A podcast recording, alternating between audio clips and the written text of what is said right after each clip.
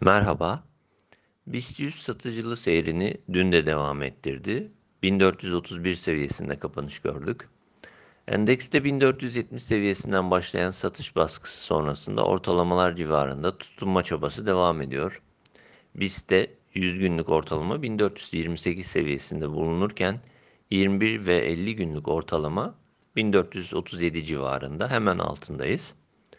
Günlük periyot için ortalamalarda sıkışma, saatlik periyot için ise aşağı eğilim geçerli durumda. Dolayısıyla zayıflama devam ediyor. Biz de saatlik periyotta ortalamalarda yeni bir yukarı eğilim oluşması için 1455 seviyesi üzerine geri dönüşü gerekli görüyoruz. Kısa periyot için bu seviye üzerinde iyimserliğin bir miktar daha güç kazanması ve 1470 seviyesinin yeniden gündeme gelmesi beklenebilir.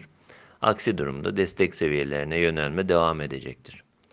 Bu durumda endekste 1420-1400 bandı yakın destek, bandın altı ise belirgin zayıflama bölgesi olarak düşünülebilir. Biz de ana direnç olarak 1470 seviyesini değerlendirmeye devam ediyoruz. Olumlu teknik görünüm ancak bu seviye üzerinde kuvvetlenebilecektir.